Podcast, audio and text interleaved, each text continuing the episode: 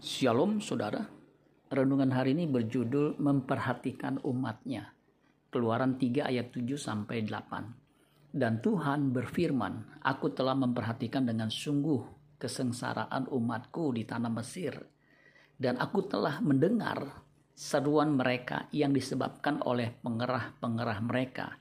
Ya, aku mengetahui penderitaan mereka Sebab itu aku telah turun untuk melepaskan mereka dari tangan orang Mesir dan menuntun mereka keluar dari negeri itu ke suatu negeri yang luas dan suatu negeri yang baik dan luas.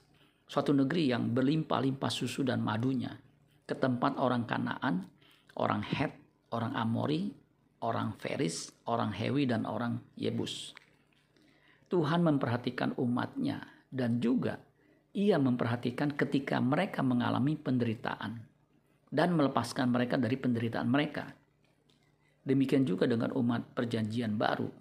Tuhan juga memperhatikan kita dan hendak melepaskan kita dari penderitaan.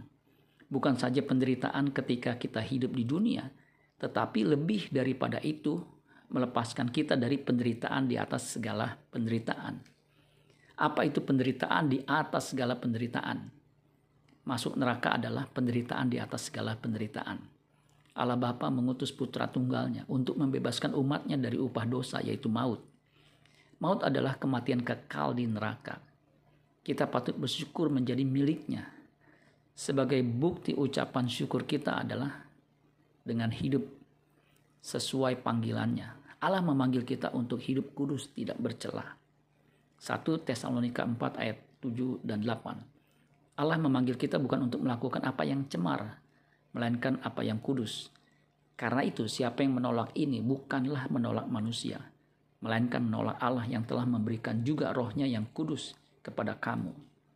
Sebenarnya inilah rancangan Allah semula ketika manusia diciptakan. Efesus 1 ayat 4.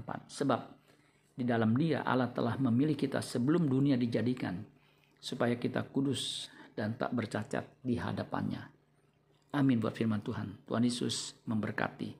Sola Gracia.